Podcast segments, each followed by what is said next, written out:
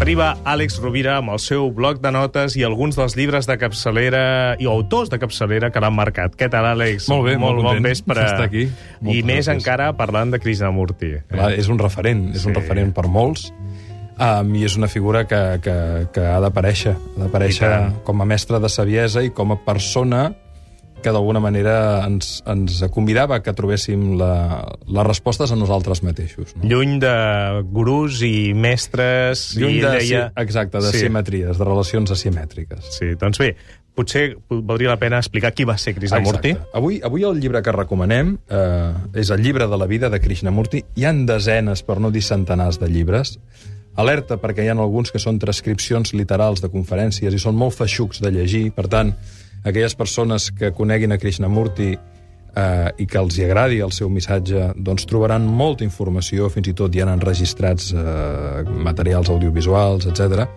Però els suggereixo que si van a qualsevol llibreria especialitzada en espiritualitat eh, o en filosofia i van a la secció de Jiddu Krishnamurti, s'escriu amb, amb dues Ds, Jiddu Krishnamurti amb K, doncs que, que fullegin una miqueta el llibre, que vegin, perquè n'hi ha molts. De fet, ja et dic que el llibre que portem avui és el llibre de la vida, que és una compilació de fragments i d'aforismes, eh, per començar, per fer uns petits tasts, petits tasts diaris, 365 pàgines d'aquest llibre, i efectivament, com tu deies, fem una pinzellada, no? Qui era Krishnamurti? Uh, va néixer a la Índia i va, va ser adoptat uh, a l'edat de 13 anys per un membre de la Societat Teosòfica que va veure en ell una aura radiant. No? Deien que, que, que era una persona que ja de petitet... Això és molt interessant llegir la seva biografia, que en parlarem un altre dia. Un dia podem dedicar secció a parlar de biografies de personatges que han canviat el pensament de la Aquí, humanitat. no? a casa nostra, les biografies bé, tenen una acollida relativa, Sí. però a d'altres països eh, vas a qualsevol llibreria i trobes unes seccions impressionants, Impressionant, de biografies. Sí, sí, sí, sí, sí. De fet, de, de Krishnamurti n'hi ha un parell molt interessants que recomano, insisteixo, si us agrada la seva lectura. No? Um, a partir de que fos adoptat per aquest membre de la Societat Teosòfica, um, van ser educat a Anglaterra sota la tutela d'aquesta institució. El que és molt, im- molt important és que en aquell temps es va crear l'Ordre de l'Estrella d'Orient, que estava preparada per l'adveniment d'un futur masies o d'un instructor del món, una missió que d'alguna manera li van atribuir ahir només amb, amb 13 o 14 anys, no? perquè ja advertien una, una, una lucidesa i una claritat, de, una claritat de pensament extraordinària. En el 1929 el van posar al front d'aquest ordre i va néixer a principis del, del segle XX i tenia un, un, un suport econòmic extraordinari. Hi havia molta gent de molts diners d'Europa que la finançava, però el que és més maco, el que és més valent, el que és més impressionant, és que Krishnamurti, sense dir res a ningú, eh, es va deci decidir mm, dissoldre aquesta organització en un acte públic amb unes conseqüències revolucionàries. Va dir, mirin, jo no sóc cap Masies ni cap Salvador, i es va renunciar a qualsevol vinculació amb aquesta societat perquè no volia cap jerarquia moral ni espiritual, de fugir d'això. A partir d'aquell moment es va dedicar a fer xerrades per tot el món i va tenir diàlegs que han donat lloc a llibres molt interessants amb científics, amb polítics, amb filòsofs i amb líders religiosos de la seva època.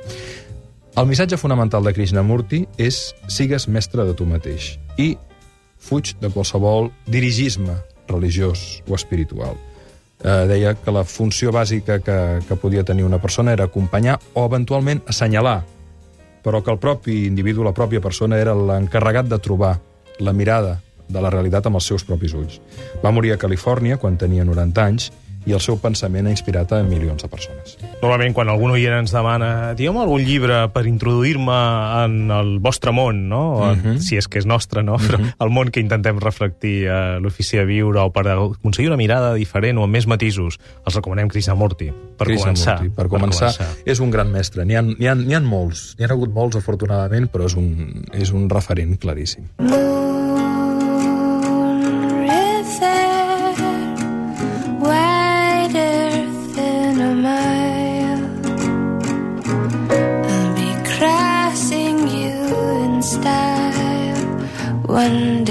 Idees principals de Jiddu Krishnamurti. Mira, eh, ho resumirem amb cinc idees. La primera, eh, n'hi han moltes, però per això es fa difícil de resumir, perquè el seu missatge, tot i que és, evident, és eh, com et diria, evident un cop l'has vist, és molt difícil d'arribar-hi, precisament perquè la ment ens, ens posa molt, molts, moltes traves. No? Ell deia que la premissa del veritable coneixement és fer callar el pensament perquè pugui sorgir la veritat. Per tant, està molt en la línia de l'aproximació a través de la, de la meditació. La segona idea és que per assolir la saviesa no hem d'acumular coneixements, sinó precisament ens hem d'alliberar d'ells per deixar pas a, a lo nou, a lo autèntic, a l'origi- a l'original, allò que és original, sense condicionaments ni expectatives. La tercera idea és que, mentre busquem, serem incapaços de trobar. La quarta idea és que l'autoritat corromp tant el deixeble, el deixeble com el mestre, deia Krishnamurti. I que cada un, com dèiem abans, és el seu propi mestre, això també deia Hermann Hesse, aquí tu tant admires també, i el seu propi llibre. Te'n recordes que deia Hesse, diu, ara ja no busco en els llibres, sinó busco en les lliçons que em pot donar la meva pròpia sang, no? Quina frase més maca. I també la cinquena idea era, si deixes de tenir por a la vida, deixaràs de tenir por a la mort. and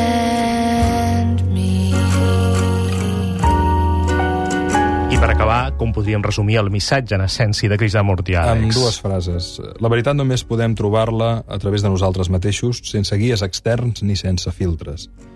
Per això cal sentar-se en silenci i observar la realitat més enllà del soroll dels pensaments.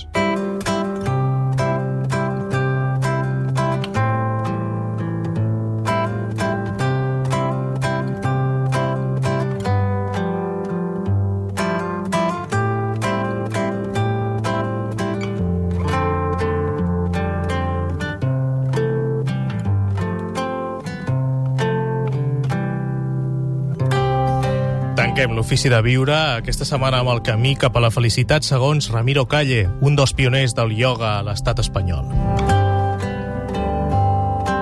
Sobre l'aquí i l'ara, diu Ramiro Calle, la ment es resisteix a l'aquí i l'ara, però se l'ha de reeducar perquè connecti amb cada moment i així sempre estigui àgil, viva, activa. De tant mirar a lluny, no veiem el que és a prop. De tant anhelar el que podem obtenir, no apreciem allò, allò que ja posseïm. L'aquí i l'ara és el que compta perquè el passat és un somni i el futur un miratge, segons Ramiro Calle.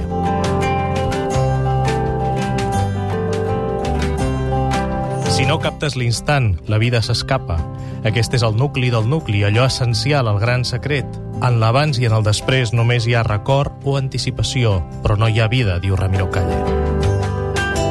Aquí i ara és vida, abans i després és somni.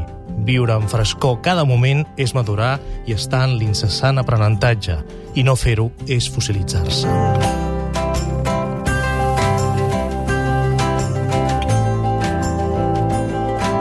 Dilluns a l'Ofici de Viure de Catalunya Ràdio, lleugers d'equipatge. Que tingueu molt bon cap de setmana. Gaspar Hernández. L'ofici de viure. Un programa sobre conducta humana.